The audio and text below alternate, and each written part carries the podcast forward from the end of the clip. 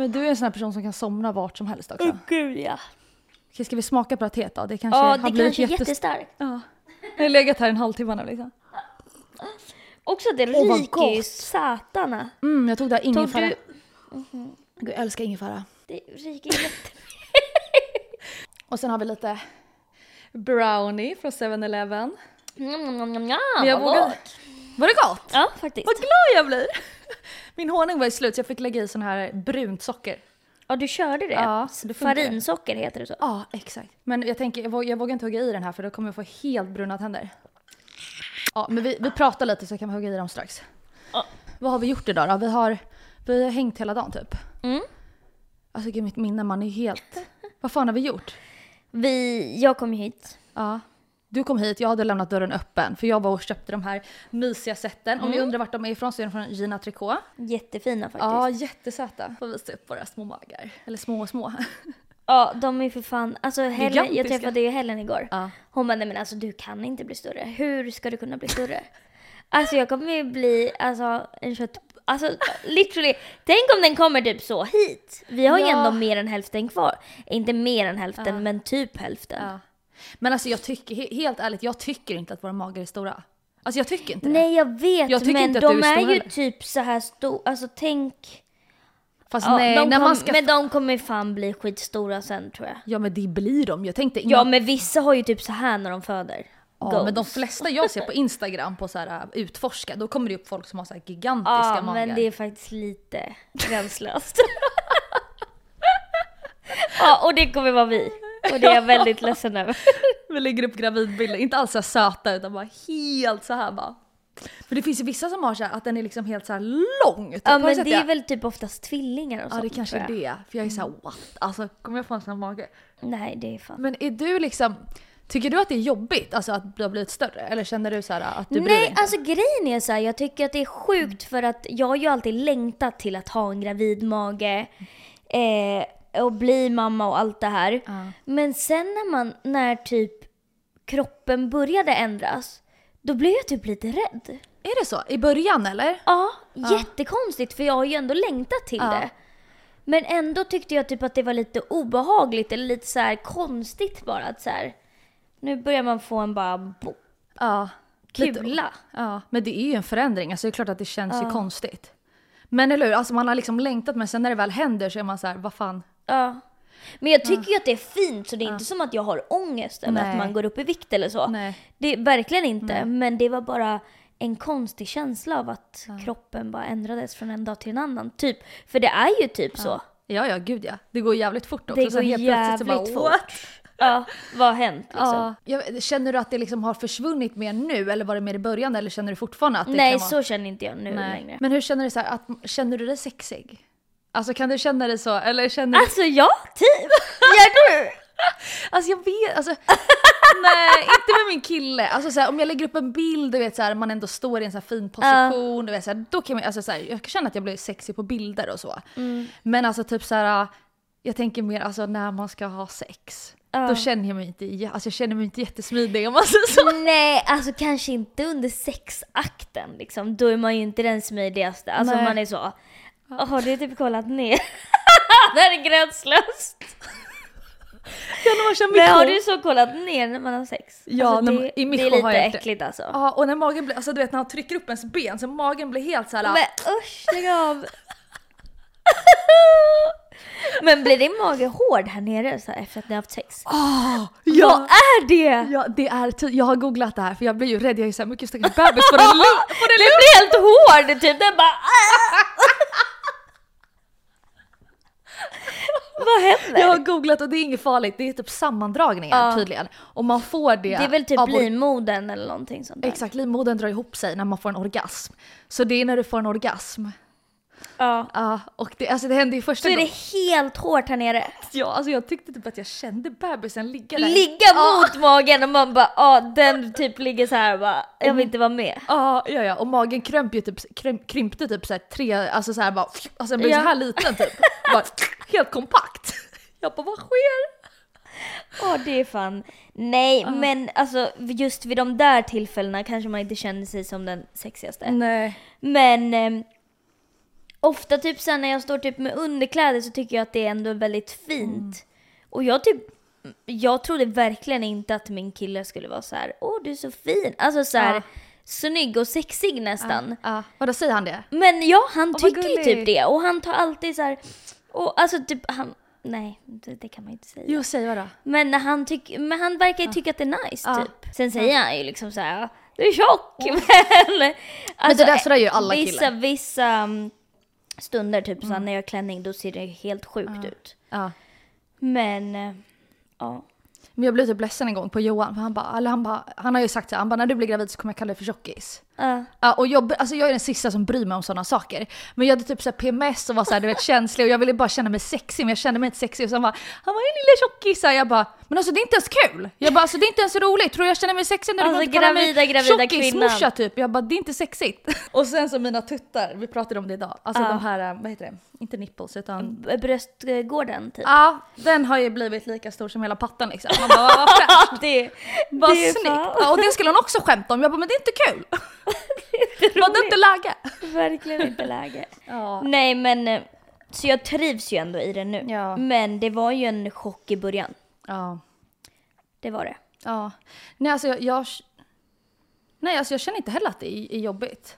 Jag tror också att det är beroende på hur man mår i graviditeten också. Ja. För jag kan ju tänka mig så här, mår man skitdåligt så kanske man inte njuter av kroppen heller på samma sätt och att man bara blir liksom negativt inställd till hela skiten. Ja men det är precis, det är hormoner så tänk dig. Det är typ som när man har Exakt. PMS och man kollar sig i spegeln då tycker man ju alltid att man är skitful. Det är väl Ja. samma sak om man har de hormonerna när man är gravid. Det är klart man inte kommer känna att man är snygg Mm. och sexig liksom. Exakt. Men vi har ju ändå mått ganska bra i vår graviditet. Verkligen. Så att jag tror också att vi typ uppskattar det kanske då på ett helt annat sätt. Gud ja, ja. Men jag pratade med en tjej, jag var på ett event så pratade jag med en tjej.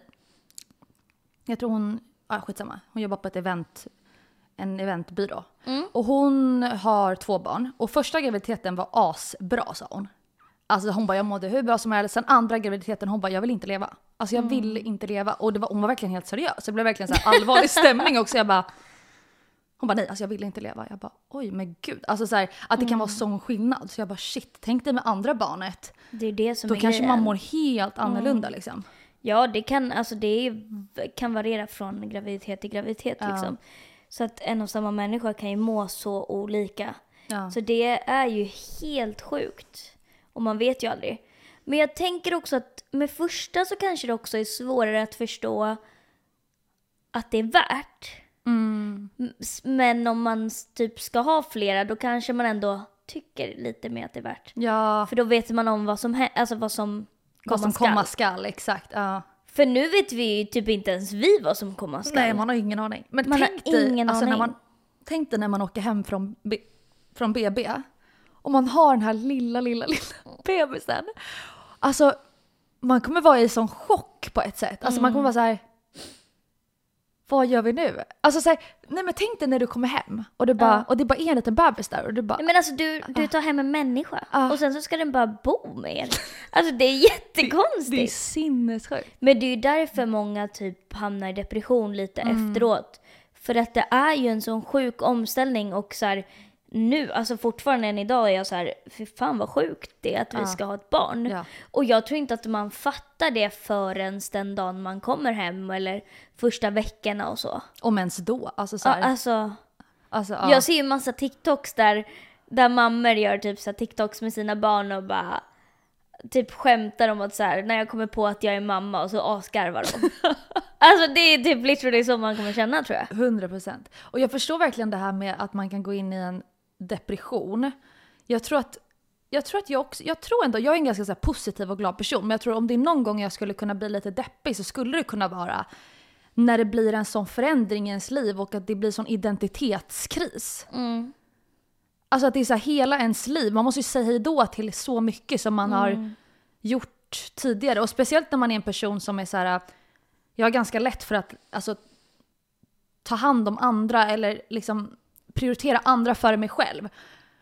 Förstår du vad jag menar? Och, då, och då, man kommer ta det så seriöst från första början. Alltså att så här, gud jag ska verkligen ta hand om den här människan och mitt liv kommer liksom inte vara lika viktigt längre. Alltså hela den liksom omställningen måste vara så psykiskt Eller förstår du vad jag menar? Ja men och där tror jag att det bara är så här, det är så det är att skaffa barn. Ja. Så där är det väl typ bara att man får hoppas att man har ett bra förhållande Mm. och kan, att båda är lika delaktiga i det liksom.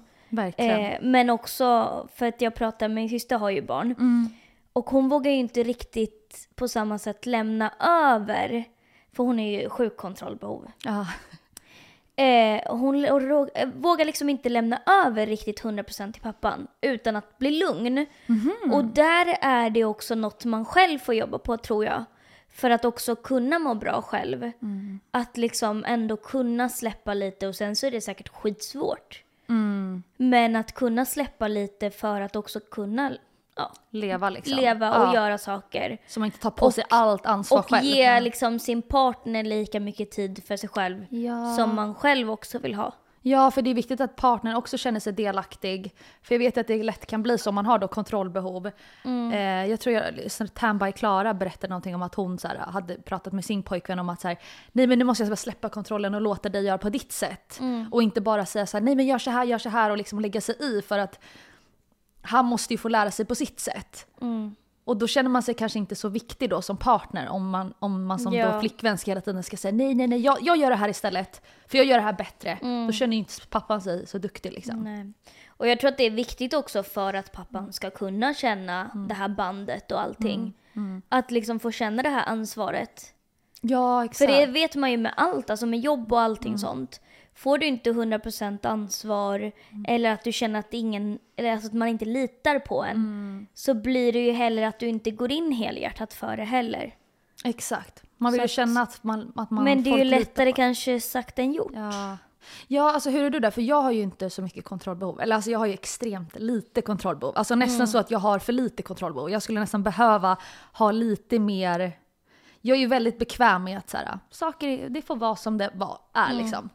Eh, och jag tror inte att jag kommer vara så där nojig liksom. Nej. Med Johan, alltså så här, det kommer gå hur, jag är väldigt så här, det kommer gå bra liksom. Mm. Jag kan lämna över till mamma eller till liksom mina kusiner. Jag har ju sett hur duktiga de är med barn och det är ju massa småbarn runt omkring oss hela tiden som vi passar och sådär. Så, att jag, Mm. så det känner jag mig väldigt trygg med. Men hur är du där med att lämna över och sånt? Sen kommer Alltså, man ju inte göra det från första början men du inte. fattar vad jag menar. Jag vet inte för att det är lätt för mig att säga nu att så här, jo men det kommer vara lätt. Mm. Alltså jag vet ju, äh, mina syskon har ju också barn och, och vi har ju massa barn i familjen också. Mm. Men eh, jag tror också att det är lättare sagt än gjort. Mm. Men jag tror också att jag kommer lite, för att jag, jag är ju väldigt sån som så här, men nu ska jag göra rätt för mig Mm. att lämna bort barnet för att få den här egentiden. Sen kanske inte jag kommer, ja men jag vet inte, det kanske släpper sen liksom att man mår bättre och bättre eh, utan dens närvaro. Men jag tror att det kommer vara jobbigt men jag tror ändå att jag kommer vara liksom så inlåst på att jag vill verkligen kunna göra det. Mm. Att jag kommer göra det. Ja, Jag fattar, det är lite med inställning. Alltså. ja, men jag tror inte att jag kommer vara 100% trygg med det. Nej. Eller 100% bekväm. Nej. Eller liksom känna att någon gör lika bra jobb som en själv. Nej, det är klart. Men jag vill ändå kunna släppa på det, men jag vet inte. och sen har man ju ingen aning om hur det känns när man väl Nej. sitter där. Ska vi smaka på den här nu? Ja. Eller kommer vi bli helt bruna? Säkert. Oh my god. Var den god eller? Åh, så fucking gott. Mm. Gravida kvinnorna. Och så blir det ett andfådd där bara. Mm. Men den här är brutal. Alltså det var så länge sedan jag åt den här. Man, Jag åt den här när jag var liten, typ när jag gick i sjuan, åttan. Mm. Så gick man ner på rasterna och köpte en sån här. Men jag sa ju det till dig tidigare. Att det här är typ det enda som jag någonsin har cravat typ. Det hela Att jag bara-. För jag har inga speciella cravings. Eh, och inte känt något sånt där att jag måste ha det här nu. Nej. Förutom en gång där jag fick så här, jag måste ha 7-Eleven brownie. alltså för den är ju helt sjuk. Men jag har ju haft så konstiga cravings. Jag har, har inte haft något så här, jag har inte haft något så socker eller sött sötma som craving. Utan jag har ju bara haft så pizzasallad. Man bara, vad normalt? Så här, koriander, mm. lime, alltså allt som är så asiatiskt eller husmanskost.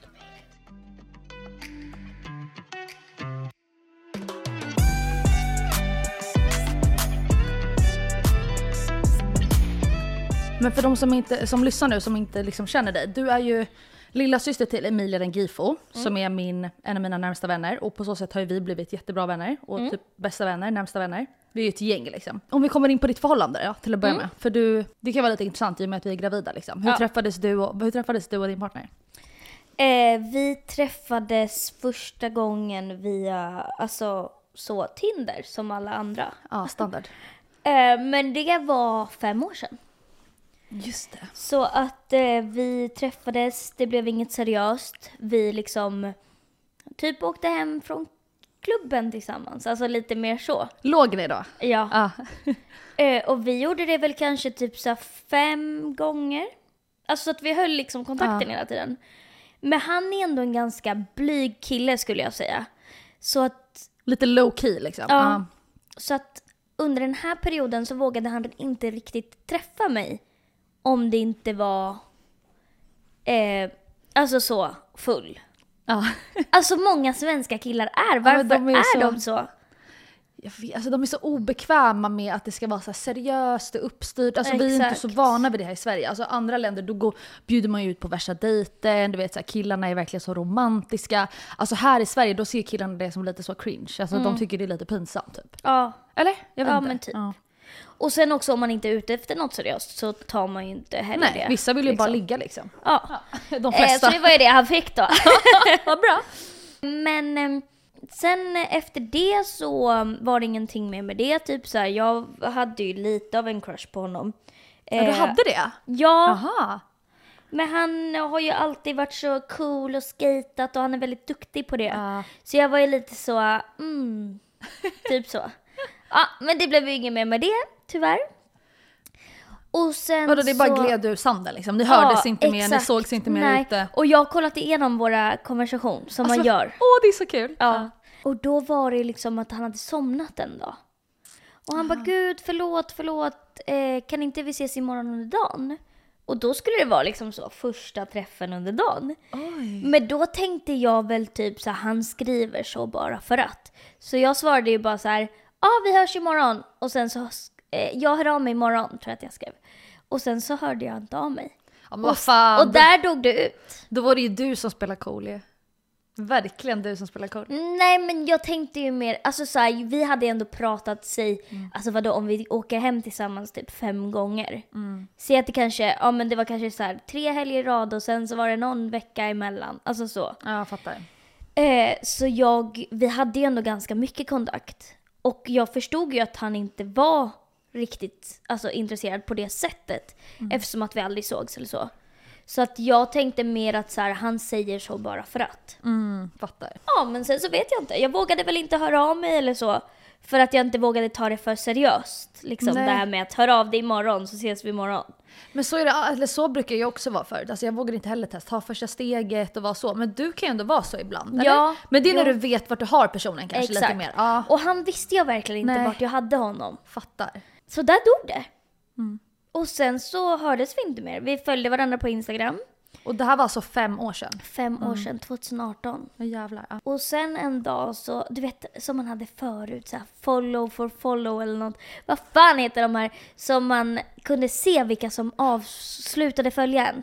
Ja, Och vilka som inte följde tillbaka och sånt där. Ja, en app! Som man alltid kollade på förut. Ja, just det. Ja. Där dök han upp en dag. Jaha. Slutat följa dig. Nej. Och jag bara, nej men det här. Och du vet när man blir lite så irriterad och bara jävla tönt typ.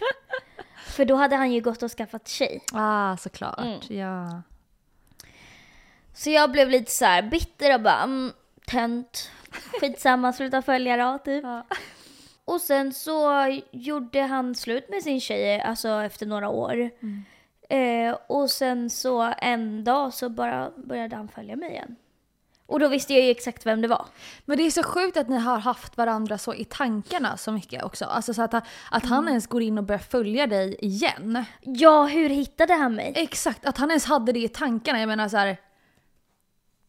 Och att du liksom reagerar så på att han, alltså det tyder ju på att det var någon connection. Eller förstår du vad jag Ja, menar? ja, Annars hade man ju bara glömt bort den personen. Man hade inte, alltså sen man Ja, och hur kunde han, alltså efter fem år, Ja. komma på så här, Mika, kanske ska börja följa henne, eller va? Ja, jättekonstigt. Jättemärkligt. Ja. Och så då började han följa dig och vad hände sen? Då började han följa mig, likade några bilder och jag var så, började följa tillbaks, skriva bara, det var inte igår. Ja. Och sen efter det så fortsatte vi skriva och eh, då, var jag ut, då skulle jag åka utomlands. Så att jag var ju utomlands i kanske tio dagar, säg. Nej, kanske lite mindre. Men då hade vi liksom kontakt under hela den här, de, ja, men den här perioden. Så att när jag kom hem, alltså så tre dagar senare så um, tog vi en dejt. Mhm, berätta. Och hur då var det ju verkligen han som var så här, nu ska vi ses. Mm. Då var han inte lika blyg längre. Nej, Tog han ändå initiativ? Vad var det för dejt då? Han reste ju också väldigt mycket under tiden att vi började träffas för att det var ju eh, typ på sommaren.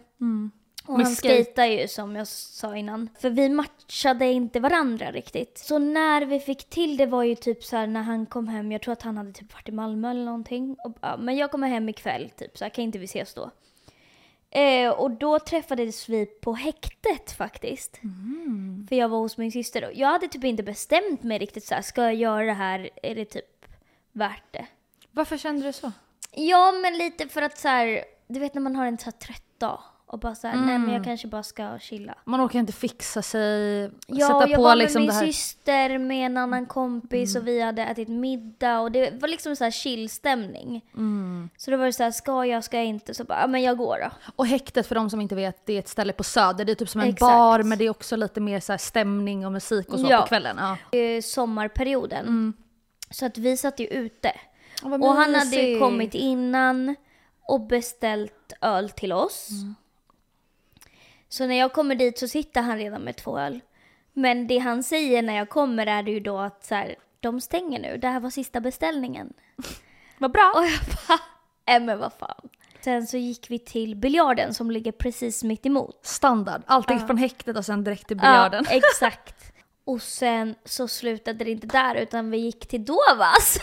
Nej, fy fan vad sköna. Jag dör. Nej men alltså, ja. Ni så bara vi körde. fick ju inte nog. Men du måste ju blivit jättefull eller? Lite lullig kanske bara. Ja, typ. Men ganska full. Men då var man ju typ van att dricka under den här perioden. Ja. Alltså. Alltså tänk dig sen när vi ska ta vårt första glas. Det ska bli så trevligt. Ja, jag längtar så rödvin. Åh. Men jag längtar ju mer på den här lulligheten. Ja, det är det. Jag, jag känner inte för det. Jag vill bara så här, smaken av vin och bara känslan av att så här, äta en god middag Men och bara finns det vin ingen till. god eh, alkoholfritt vin? Men det är ändå inte samma känsla. För det är känslan av att det är... Och det finns inte så goda viner. Det finns gott bubbel. Mm. Och sen kan jag tycka öl, helt okej. Men viner, alltså nja, typ inte alltså. För man kan ju hitta väldigt bra alkoholfria öl. Ja, exakt. Och det är ju det enda alkoholen typ så här, som jag gillar smakmässigt. Du gillar ju öl. Ja. Så att, att för mig att dricka en alkoholfri god öl, det släcker ju allt det här med att jag blir sugen på öl. Ah, Så att det enda jag är sugen på det är ju att bli lite sådär fnittrig efter typ så här första ölen. Men du vet väl att alla säger det, alltså när du kommer, vi kommer ju bara dricka en öl, sen kommer vi bli helt dyngraka. jag vet. Alltså Kerstin, min brors är lite flick... rädd för det eller? Ja, jag är livrädd. Alltså jag kommer ju bara dricka hemma först. Så jag, jag tänker inte gå ut och dricka, alltså jag vill inte skämma ut mig liksom. Jag kommer ju vingla runt och bli helt så galen alltså. Nej men Kerstin, hon gick ut med sina tjejkompisar, drack typ så här två enheter kanske, tre. Blev helt kalasfull. Ja. Och sen var det, det var någon mer kompis som berättade, alltså det är verkligen så många historier om att så här, första Mm. gången du dricker efter du är gravid, alltså du blir så lätt påverkad. ja. Men det är ju för att man har haft så långt uppehåll. Ja, kroppen är inte van liksom. Ja. Men fortsätt din story. Så ni eh, var på biljarden, ni, gick ni hem tillsammans? Ja, vi gick hem. Hade ni Men sex? Nej! Va? Aha. Vilket var konstigt för att vi hade ju haft Den innan. relationen liksom, Ja. när ni åkte hem och liksom låg? Ja, men och det var nog därför jag typ inte var så sugen på det. För att vi bara hade haft en relation, ja. sån relation tidigare. Ja, då blir det lite mer, då är det någonting annat man är nyfiken på. Exakt. Ja. jag var mer nyfiken på att lära känna honom. Ah, fattar. Men var du ute efter ett förhållande där? Alltså kände du att du ville liksom ha ett förhållande Nej, eller? det var jag verkligen inte. Nej. För och du... det var ju verkligen inte han heller. Nej. För du hade ju varit tillsammans med Baltasar innan, han Ja. som, nu är tillsammans med Emily. Ja. Ehm, för det var ju, hur lång tid innan var du tillsammans med Baltasar innan du träffade Jag honom? minns inte riktigt, men det Mm. kanske var... När gjorde jag och Baltasar slut? Det var ju... Säg att det var kanske... Alltså jag killgissar åtta månader. Mm, Okej, ja men det, är- det är ändå en, ett tag liksom. Men alltså jag killgissar verkligen. ja. För du är ju en riktig förhållande tjej. Alltså du har ju Ja. haft mycket relationer Mm. liksom. Du är inte en person som har varit singel länge. Nej. Men ändå, du är en väldigt så här, alltså du är en stark person och du är väldigt alltså, självständig, driven, alltså du är väldigt så... um, Du är inte en osäker person. Alltså förstår du? Så här, jag kan re- tänka mig så här, många som går från relation till relation till relation, att ofta så har man en liksom fördom, eller vad man ska säga, om att de är så här. De klarar sig inte själva eller så här, de, men du är väl en väldigt självständig person tycker jag. Mm. Ja men jag tror också att det beror, eller alltså att när jag väl har varit singel, om det ändå varit en kort period, säg min kortaste period kanske varit på fyra månader. Men då har jag verkligen levt ut singellivet också. Ah. Du lever det till max. Alltså till max. Jag vet att jag har lite, lite kvar. Så att det är bara att köra. Det är bara att du, du, liksom, du gör allting fast på så mycket kortare tid. Ja. Ja, jag fattar. Så jag känner ju verkligen, alltså så här, även fast jag har haft ganska många relationer, eh, så känner jag att jag har verkligen gjort allt sånt där singel. Ja. ja, för du känns verkligen, det känns inte som att du har varit en person som bara haft så här, tråkigt, inte festat, inte så här, Nej. Du har ändå träffat killar, du har ändå, jag bara legat runt, men inte så, men alltså Ja, du fattar men- vad jag menar, ja. du har ändå gjort de grejerna. Verkligen. Och man kan ju tänka sig att då en person som inte har varit singel så mycket ska liksom ha missat mycket av det. Men det har du verkligen inte gjort. Nej.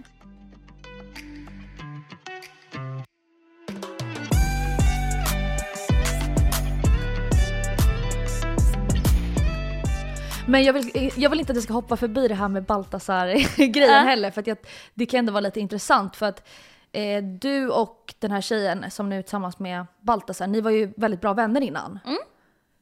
Kan du inte berätta lite om hur det gick till? Nu är inte hon här och liksom kan försvara sig själv och så här. Jag menar du har väl säkert förlåtit henne på något sätt nu? Ja, eller ja. inte för att ni är vänner men du kan väl förklara lite den situationen, vad som hände? Ja, men det var väl, eller alltså, eh, lätt sagt så var vi väldigt, väldigt nära vänner och hon blev tillsammans med mitt ex. Eh, och det var liksom inga hard feelings eh, gentemot honom. För att jag var ju inte kär i honom när det här hände. Eftersom att jag kände ju att vårt förhållande, vi var inte tillsammans så länge. Och jag kände ju att vårt förhållande inte håller, eller kommer hålla. Hur länge var ni tillsammans du och Baltasar? Sex månader bara. Sex månader, oj Mm. så kort. Det kändes mycket längre. Det kändes som att ni ändå alltså, hittade på mycket saker med er tillsammans. Alltså, så här, Mm. Men det var inte så länge. Mm. Det var inte så länge. Eh, så att det var inga hard feelings där. Det som var, ehm, de som känner mig vet ju att jag har väldigt svårt att lita på folk. Eh, och det var väl typ där det sårade mig mest. Att eh, hon var en av få jag verkligen släppte in i mitt liv. Eh, vilket jag inte gör med många. Och sen så blev det så. Och det var bara typ mest det som sårade. Jag Eh, förstår. Men eh, ja, typ så. Ja, nej men du är verkligen en person som ändå är ganska alltså, stängd med vilka du släpper in. Du har ju inte så jättemånga ytliga, alltså, eller hur ska man förklara? Jo, ytliga vänner har du men du har inte så många som du släpper in på djupet. Nej. Där det är väldigt, väldigt få som liksom... Nej men det är väldigt få människor som kan liksom säga så här, ja men jag är bästa vän med Mika. Gud ja. Jag tror väldigt- att många, många känner så här. Alltså antingen typ att jag inte gillar dem eller att eh, de inte känner mig på det sättet. För att jag väljer att inte släppa in folk. Och det är inte för att jag inte gillar dem utan för att jag är väldigt selektiv och jag tror också att jag, inte liksom med negativ inställning, men att jag är väldigt jag vet inte, jag är väldigt hård med mig själv också. Att så här, varf, vad vill den här personen mig? Mm, du är liksom skeptisk, du försöker se Ja. dens intentioner många gånger. Exakt. Ja, så väldigt Ja. skeptisk. Ja. Väldigt, väldigt skeptisk. Lite för skeptisk kanske. Det var det som sårade dig så mycket då, att när du väl har släppt in en person, för ni var ju, du var väl ändå en person som, hon kallade väl dig bäst, alltså nästan Ja. som bästa vän och du henne, eller? Mm, Ja. det skulle jag säga. Och hur reagerade du då gentemot henne? Liksom, var det så här, pang, avslutande, alltså vänskapen? Mm. Hur reagerade hon? Liksom, Alltså hon det ledsen? var väl, vi hade varit på en resa, resa och resa, vi var eh, i en annan stad i Stockholm, eller i Sverige. I Stockholm. En annan stad i Stockholm? i Sverige. okej. Jag och Baltasar hade precis gjort slut. Eh, jag och Emily då åker till En en annan, annan stad? stad. Eh, vilket var jättemysigt, jätteskönt och liksom så här lever vårt singelliv. Jag hade precis, precis, precis blivit singel. Alltså så en vecka. Ehm, så att vi var ju väldigt nära vänner och ja, det, det finns ju perioder där man glider isär mer. Men just där och då så var vi väldigt nära. Sen väl när vi kom hem så var det ju någon grej att vi var ute på klubben.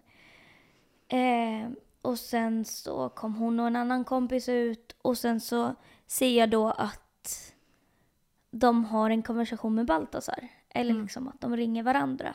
Och jag är så här, vad händer typ? Och då är jag lite så skeptisk. Varför? Eller vad, vad händer? Vad är det som sker nu? Vad är det som Vad sker? är det som sker? Sen så ringer mig med det, jag drar hem. Och då så kommer Balt, för han var också ute, och berättar, eller förklarar sig. Och då menar, då säger de liksom så här, nej det var han som ringde oss hela kvällen och han säger tvärt emot. Så då fattade jag ju direkt att det var någonting. Ja, du bara, Och det, det är någonting där- skumt här alltså. Och det var ju där jag backade från allt det här. Och jag var så här.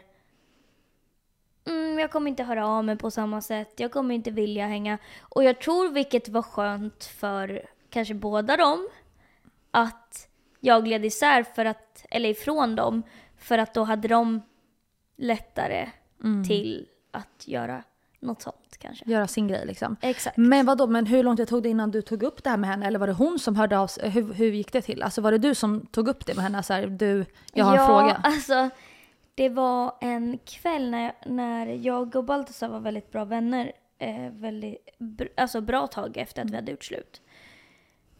Um, och sen så svarade han inte mig en kväll. Och det var jätte, jättekonstigt. Eh, tyckte jag. Vilket så här, det är sjukt att så här, åh han svarade inte på mig. Alltså så, vad- vem tror jag att det är? Men, men det var verkligen så för att vi var ju väldigt, väldigt goda vänner och han svarade alltid. Ja, och sen så bara, fan vad konstigt det är någonting. Alltså kände, hade, jag hade en magkänsla av att det var någonting. Sen så var jag på Spybar, sen tänds lamporna för att det stänger. Man bara, klockan fem på Spybar liksom, vad fräscht. Men då ser jag i alla fall de här två stå där. Åh, Och då börjar ju alla bitar komma på plats. Allt faller på plats.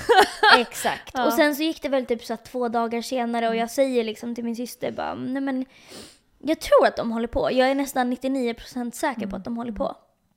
Jag bara, nej men är du galen typ? Alltså Ja. självklart Nu, inte. nu har du fått för dig någonting. Nu har du liksom. fått för dig Ja. något. Jag bara, men jag är 99% säker att det stämmer liksom. Ehm, och sen så ja, ringer jag och frågar Baltasar då.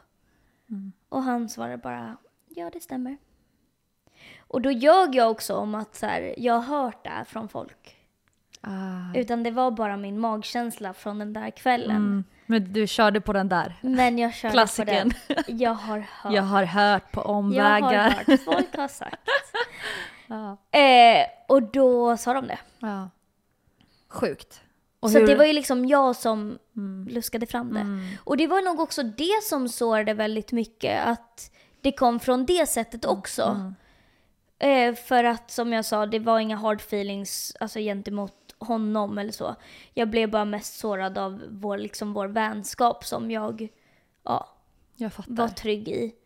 Eh, Jag förstår. Har ni hunnit... och sen att liksom det var så att det inte ens brydde sig en sekund av att höra av sig. Eller att så här, vet du vad, jag har gjort bort mig, jag känner så här. Mm. Jag vill att du ska veta det här. Alltså vad som helst. Mm. Och förmodligen handlar det om en skam, alltså, en så här, alltså att man inte Såklart, vågar. och jag fattar det också. Ja och det fattar man ju men samtidigt så här, det kanske inte är det bästa sättet att sköta någonting om man, inte, om man vill sköta någonting snyggt utan att någon ska bli sårad. Men det är väl lätt att säga efterhand liksom. Ja, men, ehm, Såklart. Och jag tror också att de kanske känner så. Ja säkert. Ja. Eh, vilket, alltså så här, jag vet inte. Men, Mm. eh, ja. Men ni har inte hunnit, har du träffat henne alltså, eller honom nu? Och Ja. Har ni hunnit prata? Alltså är ni liksom Nej, inget på good så. terms nu liksom? Ja, gud ja. Skönt. Ja. Ja, Och hon har bett om ursäkt? ja alltså. Ja, alltså alla människor kan göra misstag och det är liksom inget så hat gentemot dem. Men såklart bara din historia av att du blev sårad liksom. Eh, och så här, ja det kanske är folk som lyssnar som kanske varit i liknande situation eller kanske själv har gjort så och ångrar det eller liksom kanske inte ångrar för om man då har hittat sin livspartner om det liksom är så då, Gud, kanske, man ja. då kanske man inte ångrar det liksom. Jag unnar dem för de verkar ju så kära Ja. och de verkar ju ja, men, trivas i varandras sällskap. Ja, Så att eh, jag unnar verkligen dem det. Ja. Men där och då så blev det en chock såklart. Ja. Och det kanske är svårt att liksom förlåta det så här och liksom bli vänner igen efter att man har svårt att lita på människor liksom, som du har haft. Eh, vilket är helt förståeligt liksom. Men jag vill bara alltså, att folk ska fatta att så här, det är inget hat eller någonting mot dem. Utan så här, alla människor gör misstag och alla människor, Ja. ja.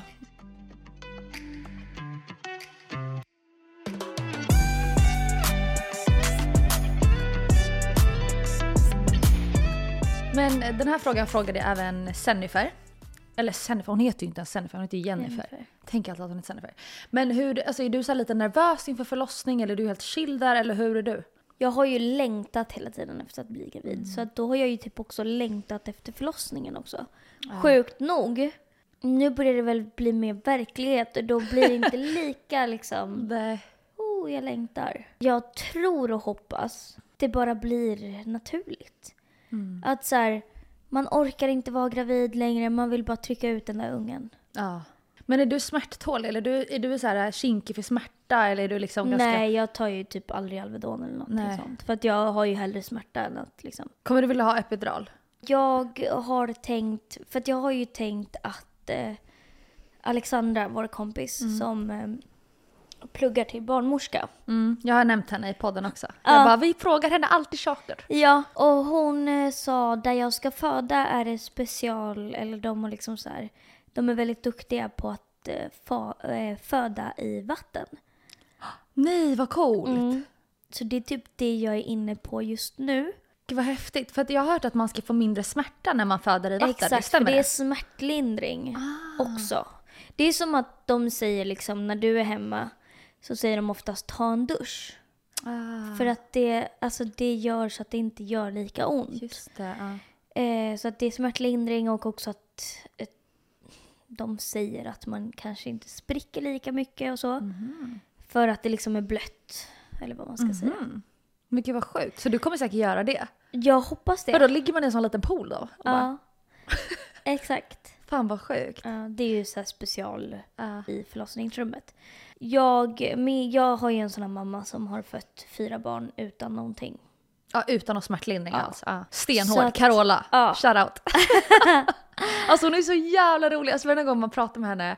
Alltså hon har så mycket att säga. Alltså jag skrattar så mycket på din gender reveal så satt Ja. jag och pratade med henne. Hon bara Alltså hon drog så roliga stories, alltså jag kan inte komma ihåg henne vad hon sa men alltså jag, vi dog, jag och Alexandra och alla vi bara satt och lyssnade på henne. Hon hon berättade är- om sina förlossningar och allt alltså. Det är så jävla skönt. Hon är en karaktär för sig. En riktig karaktär alltså. Ja. Ja. ja hon har tryckt ut fyra barn. Hon har tryckt ut fyra barn utan smärtlindring. Och då tänker jag också att eh, jag kommer skriva i min, mitt förlossningsbrev att eh, jag vill göra det så naturligt som möjligt. Eh, men be om någonting så vill jag ha det. Ja. Alltså så här, jag kommer försöka dra ut på det så långt det går. För att det finns ju för och nackdelar med allt, liksom att det kan ta längre tid eller liksom så. Men du får ju inte lika mycket ont. Så att jag tror att det handlar om vad jag känner där och då.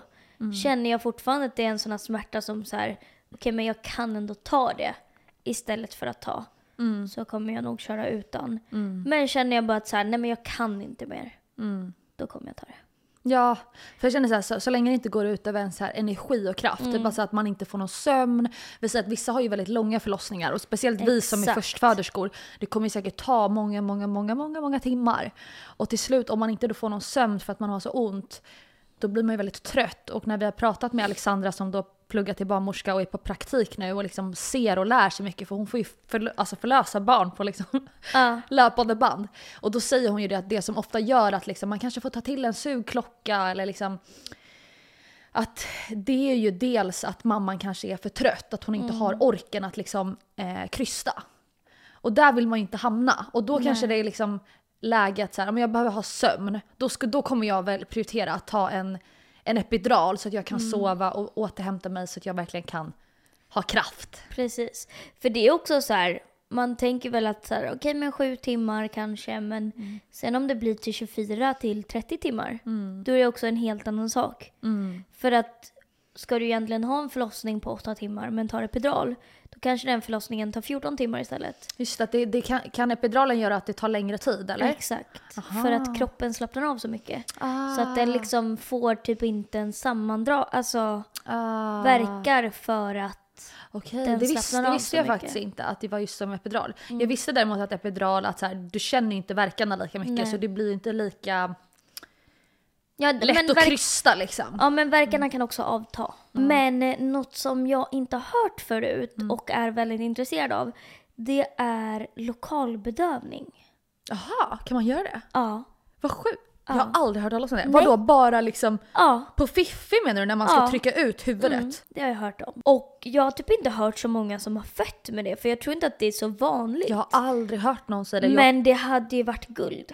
ja, för det tänker jag, att jag har så jävla ont. Ja, Ring of Fire. Ja, fy fan. Jag lyssnade på Lojsan Wallins förlossningsberättelse eller vad man ska säga. Alltså hon la upp en, en vlogg. Och sen På vem av dem? Eh, den här senaste. Och då berättade hon att, att huvudet åkte liksom in, ut, in, ut. Alltså att hon... Fy fan. och jag bara, vad kan det hända?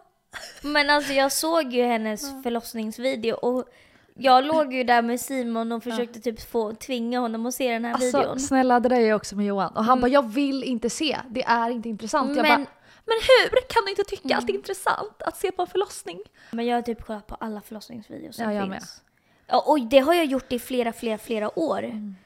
Men alltså Lojsans var ju skrattretande för det var så här fyra timmar efter förlossningen bara äh, har vi cola hemma eller ska vi? Och man bara bror du har precis fått ett barn. Vad är det med dig? Du är så på bilen och bara Ja, har vi Cola Zero hemma eller? Fan vad gott jag har liksom en kladdkaka i frysen. Alltså man bara ja. Och så kollade jag på Simon och bara ja det där kommer nog inte vara jag. Så det kan du fetglömma liksom. Och han bara ja fan vad fräsch hon är. Alltså man kan inte tro att hon så för tre timmar sedan har fått ett barn. Jag bara nej. Alltså helt Kommer easy nog, liksom. kommer nog vara lite annorlunda för oss. Ja, alltså gud. Men hon har ändå tryckt ut, det var hennes tredje barn. Och då blir det ju lite... Ja. Det blir lättare för kroppen vet ju hur den ska... Kroppen har ju lärt sig hur den ska föda barn. Mm. Första gången så vet ju kroppen inte... Kroppen är så efter, den lär ju sig efter varje gång liksom. ja. Men alltså alltså jag är verkligen taggad. Alltså jag tycker det ska bli så kul. Alltså så spännande. Alltså kul, jag fattar ju att det, det kommer inte vara kul när jag är där. Alltså det vet jag. Nej. Så jag vill inte att folk ska tro att jag ska bara åh det kommer bli så kul. Men jag är så här, jag blir typ, alltså jag är så här. Alltså jag tycker det är så spännande. Ja. Jag vet inte. Jag är så taggad också på att träffa den här människan så då tänker Mm. Ja. jag att det är så här att man får fokusera på det. Ja. Att man kommer få träffa den här personen man har längtat Ja. efter. Alltså jag orkar inte. Ja. Jag orkar inte. Alltså, Men är du rädd? Nej jag är inte det. Nej. Jag är däremot rädd, jag kommer nog vara rädd när barnet är ute. Att säga, men gud får den luft? Typ så jag kommer kolla till den hela tiden. Alltså jag är ganska orolig så. Vilket är lite konstigt för jag har inte kontrollbehov. Men jag har fått det av min pappa för min pappa var livrädd när vi var små. Så jag fick aldrig göra så här volter eller du vet så här, hoppa från höga höjder. Han var såhär försiktig, aj, aj, akta, akta! Typ om jag typ var inne på mitt rum och hostade. Då bara kommer han springande in och bara lyfter mig och bara bankar på ryggen och jag bara Vad gör du pappa? Han bara Åh du har satt i halsen! Jag bara jag hostade, alltså literally hostade. Så att jag tror jag fått lite så här alltså tra, inte trauma men Jo men typ, alltså du vet att det där är ju också, det där har du ju ärvt från din pappa. ja, ja jag vet. För ja. att du har sett hans reaktioner. Exakt. Och det har jag också sagt till min syster och jag ska tänka på det verkligen själv. Att så här, om ett barn ramlar, om man gör, alltså jag tror att panikångest också kommer från allt det där. Att man får höra att det här är så farligt och det här är så här och det här är så här. Du kan dö om det här händer. Att det väcker ju såklart ångesttankar. Katastroftankar liksom. Ja. Och det ska man verkligen tänka på med sitt barn. Och verkligen, jag hoppas att jag tänker på det. Men att inte liksom så överdriva saker eller inte reagera konstigt framför dem. Verkligen. För att det påverkar så mycket. Verkligen. Och där, alltså jag håller med dig alltså 100% och jag ex, tänker exakt som dig. Och jag vet att en gång så ramlade min lilla syster eh, Odessa, hon är nu, ja, hon kanske var fem år då. Och då reagerar jag för att jag blir ju väldigt rädd. Alltså du vet så här, min pappa han tejpade alltid kanterna hemma på så här bord och sånt för att ifall vi skulle slå i så skulle vi inte slå i eh, skada skallen liksom. Så det var ju så här tejp på alla hörn. Äh, så äh. silvertejp. Eh, så att, som du säger, jag har ju ärvt det där vidare. Sen är jag väldigt chill med mycket saker. Alltså så här, obrydd, impulsiv. Så, men det är bara när det kommer till alltså, sådana specifika grejer som han har lärt mig att vara rädd för. Exakt. Eh, och då reagerade jag när hon ramlade. Eh, och det, hon gjorde inte ens illa sig för jag var så här, Och då började hon ju storgråta bara för att jag reagerar så.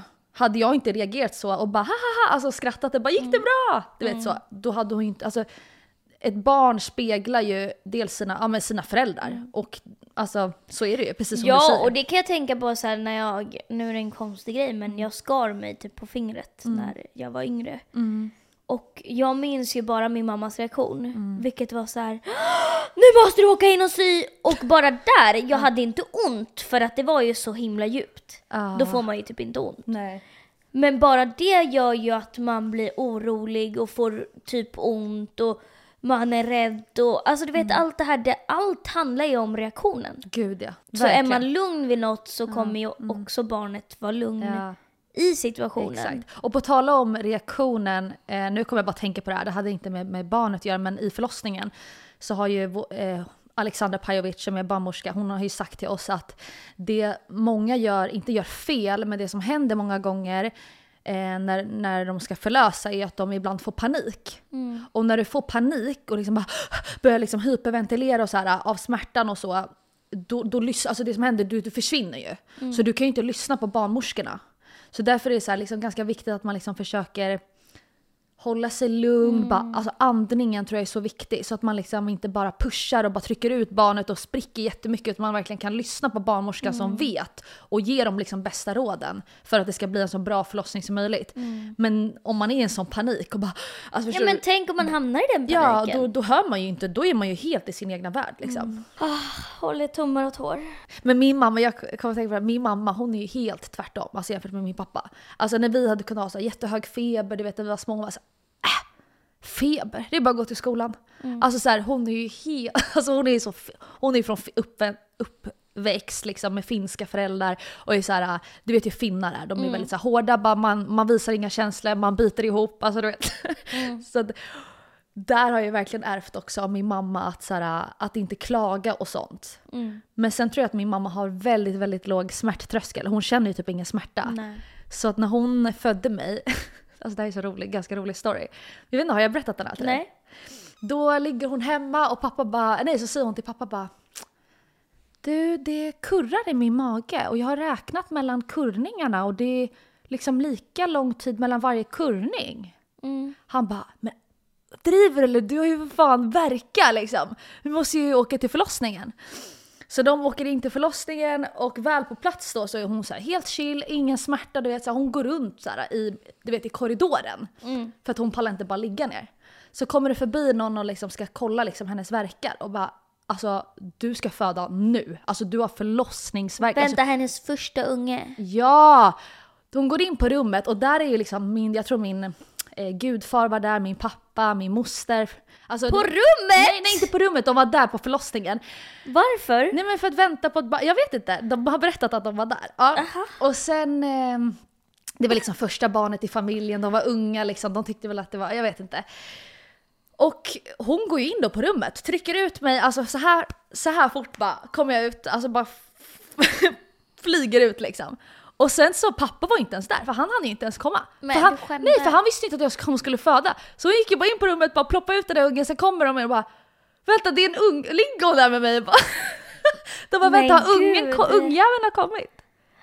Alltså hon är så jävla sjuk, men min mamma är sjuk i huvudet. Och jag frågade henne, jag bara skulle du kunna, nej jag bara, men hur, hur alltså, för att hon har ju aldrig fått ont. Du vet jag bara, men hur, om du slår i din tå då, i en kant, då har du väl fått, du vet smärtan när man slår i, man blir så arg för att det gör så ont och man bara, alltså du vet man vill bara säga de fulaste orden.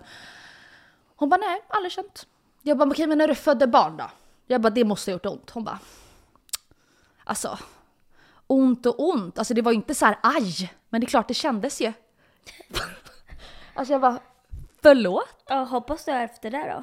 Det, alltså, nej men det där har jag inte ärvt alltså. Det där, det där har jag fan inte ärvt alltså. Men du, när du pratade om det här med att folk var i rummet, Ja. då, då kom det eh, några tanke. frågor här. Ja. Jag pratade med Felicia och också då började vi prata om så här, vilka, så- alltså folk har ju med sig liksom olika. Mm, till, Till- sin mamma. Alltså typ så, sin mamma och Mm. eh, vad heter det, svärmor. alltså jag kan inte tänka mig något värre. Men jag, jag, alltså hade jag fått välja, alltså då hade alla fått vara med. Min svärmor, min mamma, Nej, men fy Johan. fan. Och, jo men kanske inte alla, men Felicia hade absolut varit med, min Men kusin. vill du inte gå in i dig själv och bara vara så här, kommer ändå vara inne i mig själv.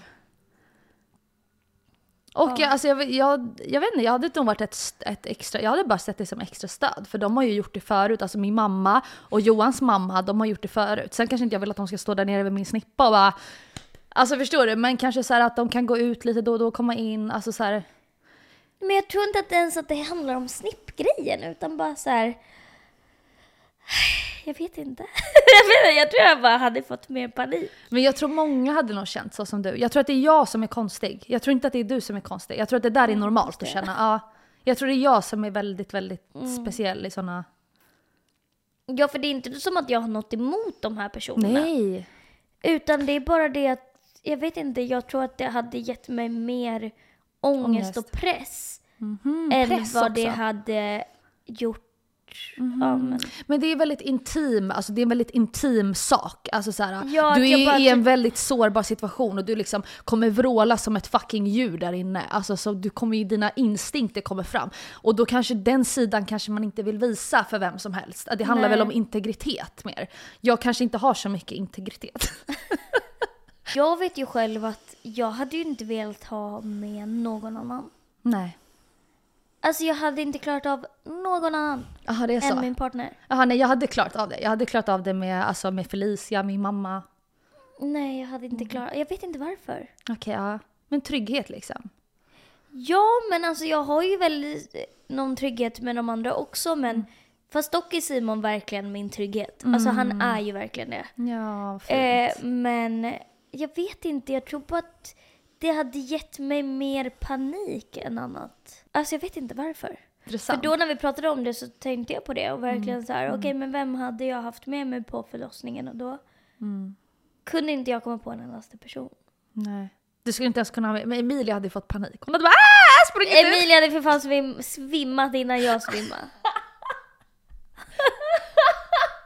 Alltså jag vill verkligen se henne föda barn.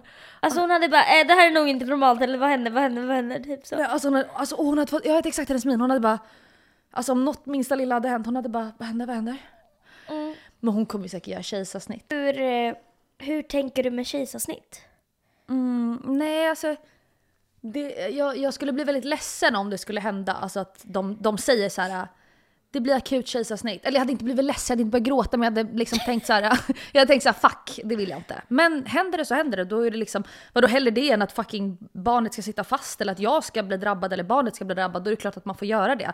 Men helst så vill jag ju inte behöva göra kejsarsnitt. På grund utav att jag har läst på och jag vet att eh, barnet ärver ju din tarmflora, dina goda bakterier när den kommer ut vaginalt, för det följer med. Eh, och då är det liksom, ökar det risken för att barnet ska få ett bra immunförsvar och liksom minskar risken för att utveckla liksom eksem, allergier och sånt. Och det är samma med amning. Så det är, förut har jag tänkt här, fan jag vill inte amma och vara en jävla kossa liksom. Så har jag tänkt. Ja. liksom fett s- så här, osexigt. Alltså vet, så här, men jag var ju liksom ung och dum när jag tänkte så. Men nu är det verkligen så här, gud jag vill verkligen amma, jag vill verkligen föda vaginalt liksom. För att, för det bästa för bebis liksom. Ja men jag känner exakt samma. Alltså så här. För många kan ju verkligen vilja ha kejsarsnitt. Och jag känner verkligen tvärtom. Att så här, jag vill helst inte. Nej. Men måste man så måste man. Ja. Det, om det är den enda utvägen. Men Ja. jag hade blivit besviken om det inte gick. Mm. Det kan, alltså det, det kan jag vara ärlig med. För just också, jag vet inte varför just, för jag tänker inte på sånt. Nej. Men jag tänker också att det är det mest naturliga. Eh, min syster födde i Chile. Där alla, alltså de hade pratat med någon kompis typ eller någonting sånt. Eh, där de hade sagt att nej men en, en kvinna i Chile vet inte hur, hur det är att föda. För att de gör kejsarsnitt på alla. För att de får bet- mer betalt då. Sjukhusen. Och, ja, Ja. Och får alla välja så tar de oftast kejsarsnitt. Mhm. Och det tjänar sjukhuset på. Ja, de har blivit, det blir Så att- vana och det blir satt i system. och då, då är det liksom så här, ingen vet hur det är att föda barn. För att de bara gör kejsarsnitt. Mm. Vilket är helt sjukt för att, Mm. och det är jag väldigt glad ändå att man måste ha så här skäl till här i Mm. Sverige. Varför du vill göra kejsarsnitt. Vad Eh. beror det på egentligen? Alltså, så här, varför? Alltså att det inte är det naturliga. Ja. Att Men det det, måste det vara- kan finnas eh, mer komplikationer. ja, det är mer komplikationer kanske. Mer Alltså- risker med det kanske. Ja, någonting sånt. Men också att det är en operation ändå. Mm. Jag vill verkligen, men går inte så går det inte. Nej, men jag fattar. Du vill liksom ha hela den upplevelsen. Liksom. Ja. Sen är det absolut, alltså så här, de som, jag förstår ju de som är kanske rädda, eh, kanske har lättare att liksom få trauman av saker och ting. Alltså alla är ju olika, alla är olika känsliga som vi pratade om Emilia. Hon är ju, med, hon är ju väldigt, väldigt känslig som person. Eh, eller om man har varit med om saker tidigare som triggar vissa grejer. Alltså så här, det är klart att då är det klart man ska göra kejsarsnitt. Man ska göra det som känns bäst för en själv. Liksom. Ja. 100%. Och sen så tänker jag också att man ska tänka, alltså vet du vad jag brukar tänka? Vadå? Att så här, de som har barn Mm. och bara till och med hon kunde. Jag vet. Då borde jag kunna. Jag tänker exakt likadant. Alltså förstår du vad jag menar? Alltså så här, om hon kan så kan jag. Mm. Och då tittar inte jag på min mamma utan då tittar jag på så här, Ja. typ, min moster som är så här jättefis förnäm. Ja. Som är så, har en skönhetssalong och är så här, åh akta mitt hår. Jag är så här, alltså har hon, Pia, min moster, fött ett barn? Ja. Hon har fött tre barn typ. Jag bara, alltså, då, kan då kan jag föda barn. ja, men också så folk som bara så klagar väldigt mycket och det är så jobbigt alltihopa. Om de Ah. har klarat att skaffa, eller alltså så här, Hur fan har de gjort och det? tryckt ut en unge, ja då fan klarar folk det. Sen är det klart att så här, man är ju ändå rädd för att, alltså så här, jag Mm. tror ändå att det alltid kommer vara en liten, liten rädsla bakom det. Mm.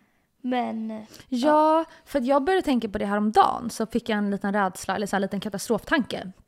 Men det hade ingenting med, jag är inte rädd över, över mig själv eller över smärtan faktiskt. Det är jag inte så orolig över.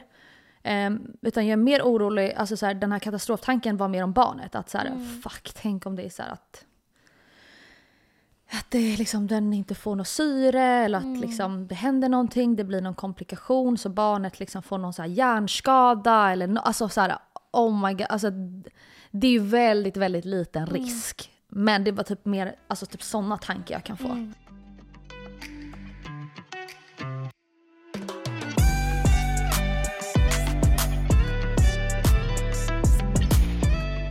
Men barnuppfostran då, hur är du där? Alltså så här, kommer du, tror du att du kommer vara sträng? Och hur tror du att din kille kommer vara? För det här pratade jag om med Johan i alltså, alltså avsnittet när han var med. jag har fan ingen aning och det är ingenting jag har tänkt på. Är det sant? Ja. Ja, helt sjukt. Det enda jag tänker på är att jag vill vara så pedagogisk som möjligt. Mm. Typ. För att som sagt, det är ju bara ett barn. Och det man ska göra är bara lära hur man ska göra och inte göra. Mm. Jag tänker väl att lär man ut rätt så blir det rätt. Och jag tror att jag och Simon kommer kanske vara ganska lika där. Mm. Jag tror att men han kanske kommer vara mer den snälla som ger med sig, tror jag. Ja, det så är det nog i mitt och Johans fall har vi Mm. jag. För jag ser ju hur han är med Vincent, med sitt barn, sen tidigare.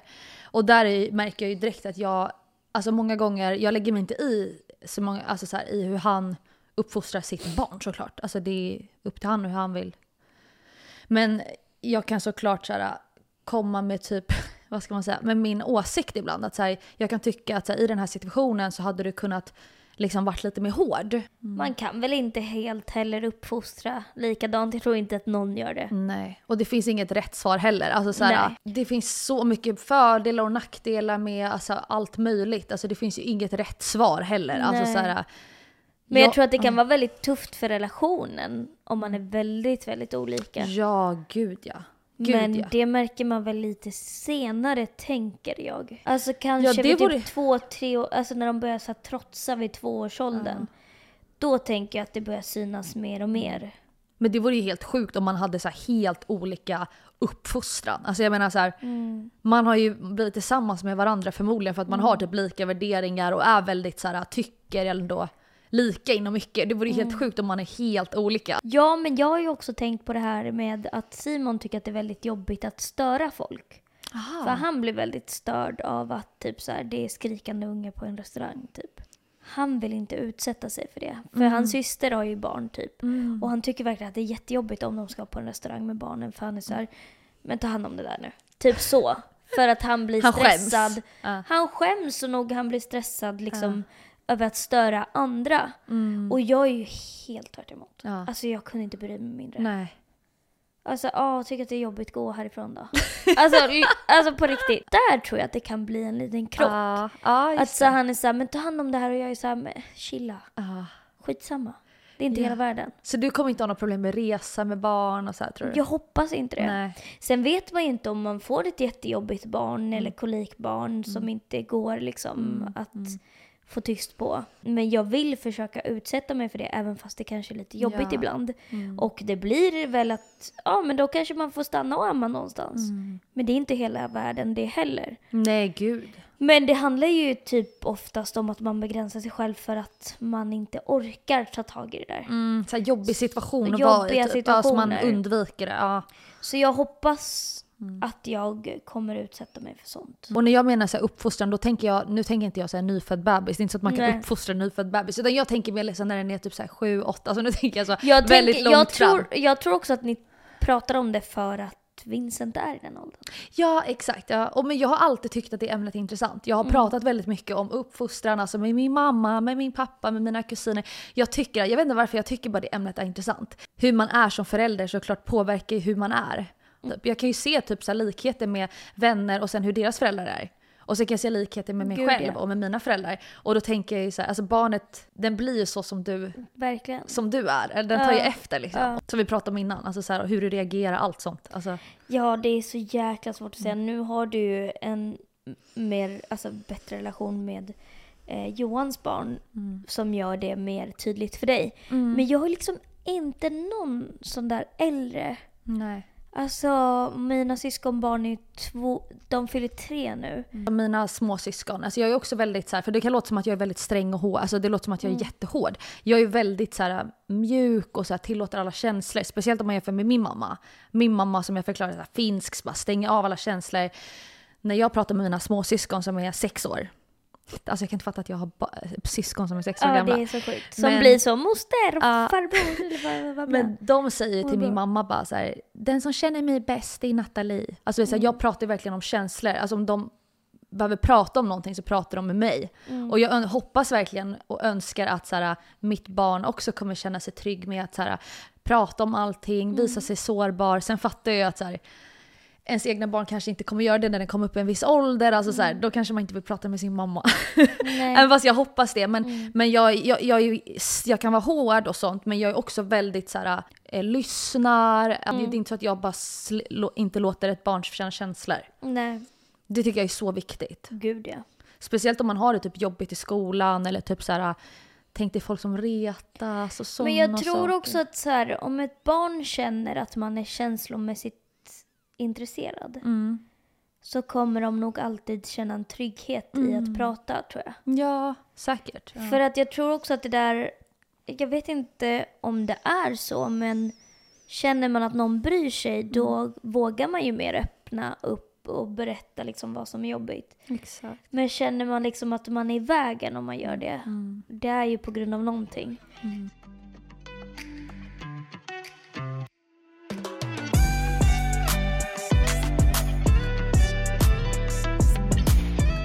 Vad ser du mest fram emot då, i livet just nu? Alltså så här, vad är du mest taggad till? Eller så här, vad blir du mest så här, positivt glad över? Men alltså just nu är det ju bara att se den här ungen. Ja, det är så. Ja. Ja.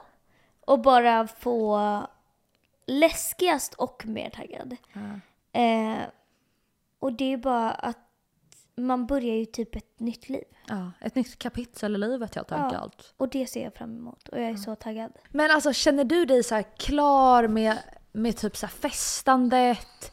Med hela den biten? Eller tror du att du kommer fortsätta liksom vilja hitta på sådana grejer och festa och kanske åka på festresor? Eller känner du så här, eller hur är du där? Ehm, alltså jag känner mig ganska klar med det. Samtidigt som jag är uppvuxen i en väldigt eh, social familj.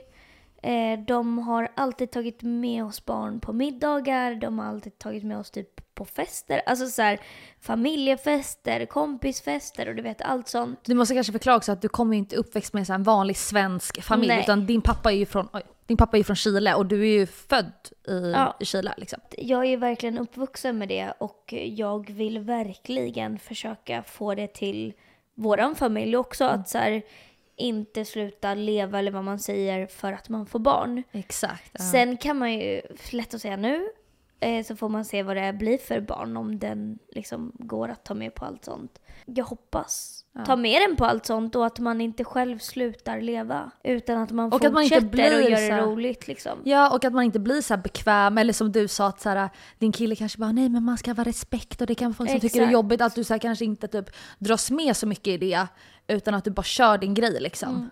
Eh, men det är så lätt att så här, man kanske inte vågar ta med barn. Alltså, för jag vet inte, jag sa det i en, ett avsnitt när jag pratade själv.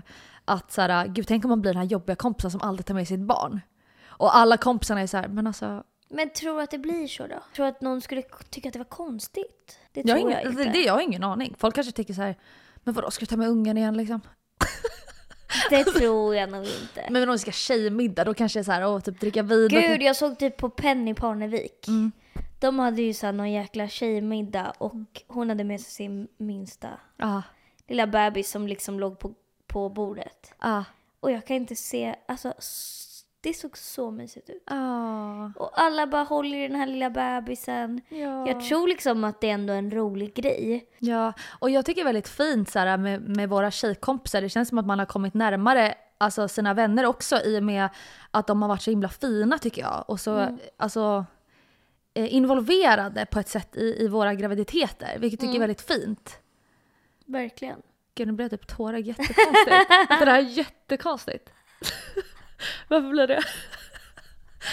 Varför blir det? Jag brukar aldrig känslor och sånt. För jag är verkligen så, jag bryr mig typ inte så mycket om så här, om såna, jag har väldigt lite så förväntningar på folk när det kommer Ja. till sånt. Jag vet inte, jag tycker det är väldigt fint att de liksom så här, jag vet inte, att de tycker Ja. att det är kul och så här, det är roligt att, att vi har såna tjejkompisar. Förstår Ja, du? För men och jag tror också att vi måste tänka på det att så här, de som vill träffa oss och tycker att det är kul med barnen och sånt. Det är sådana människor vi kommer ha kvar i vårt liv.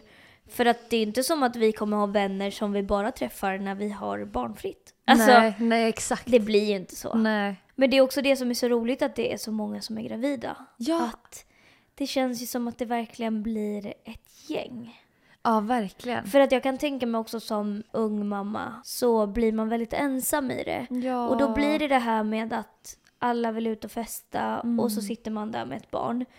Men det känns som att våra kompisar ändå är lite över det. Alltså så här, vi är inte riktigt i festfasen liksom. Nej, nej. Samtidigt som vissa singelkompisar verkligen alltså, hittar på saker, vilket man Ja. fattar. Och det är också det som är så roligt att folk är gravida, att så här, man är i samma stadie. Flera som har fått barn, som typ har ett barn som är nu snart ett år. Alltså, ja, vet, så här- Filippa. Ja, Filippa, Jen, eh, Jennifer Persson. Exakt. Alltså så kul. Och då, då blir man ju också så här mer engagerad i, eller de kanske blir mer engagerade i liksom, Ja. Och de lever ju ja. redan den här, det här familjelivet. ja så det är bara kul för dem att, att fler liksom joinar dem.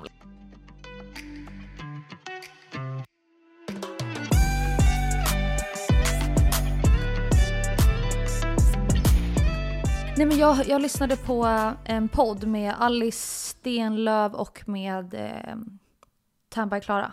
Mm. Och då berättade hon att så här, man får så mycket mer hat när man är, Mamma. när man är mamma. Och jag var så- Mom shaming. mom shaming. Jag bara, gud undrar, alltså varför är det så? Men jag tror att det är ett sånt känsligt ämne för folk. Att så här, när man pratar, jag känner det själv när vi pratar så här om barnuppfostran och så här. Man tänker så här, det är folk, folk som liksom verkligen, det är så känsligt ämne tror jag. Ja. Gud ja.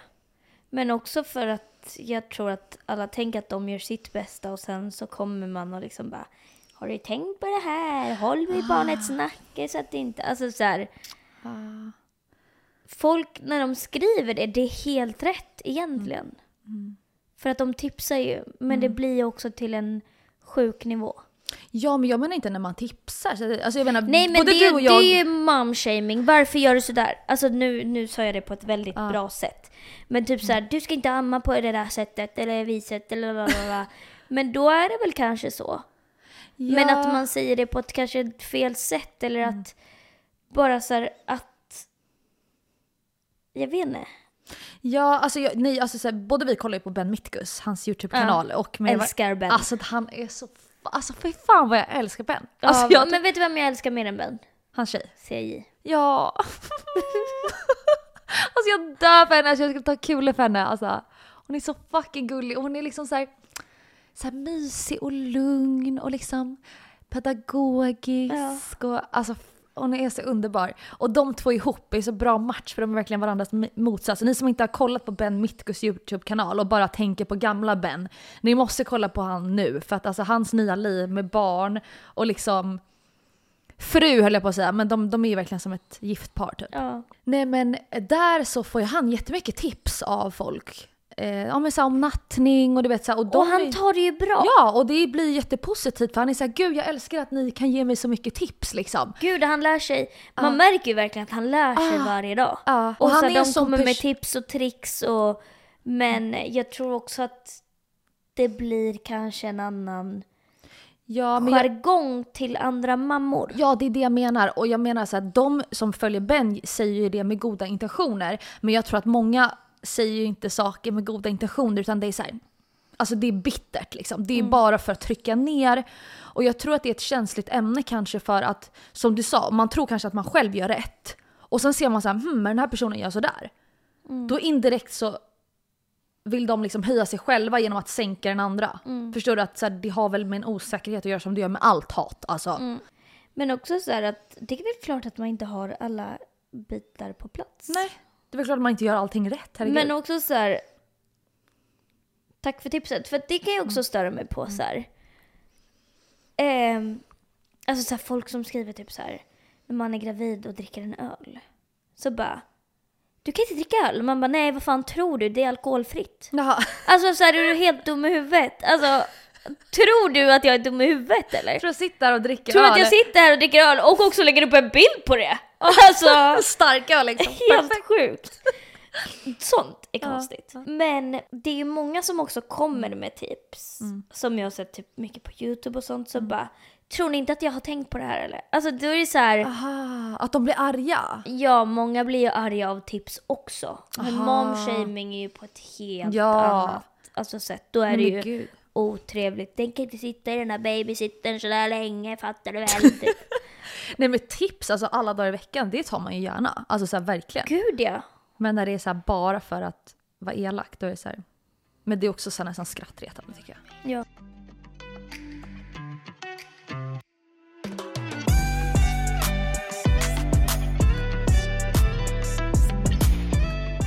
Och Mikael, som att det här är vår gemensamma dagbok där vi delar med oss av vårt liv med våra upplevelser så har vi en fråga från en annan gäst. Mm. Och den lyder så här. Vad är din största rädsla?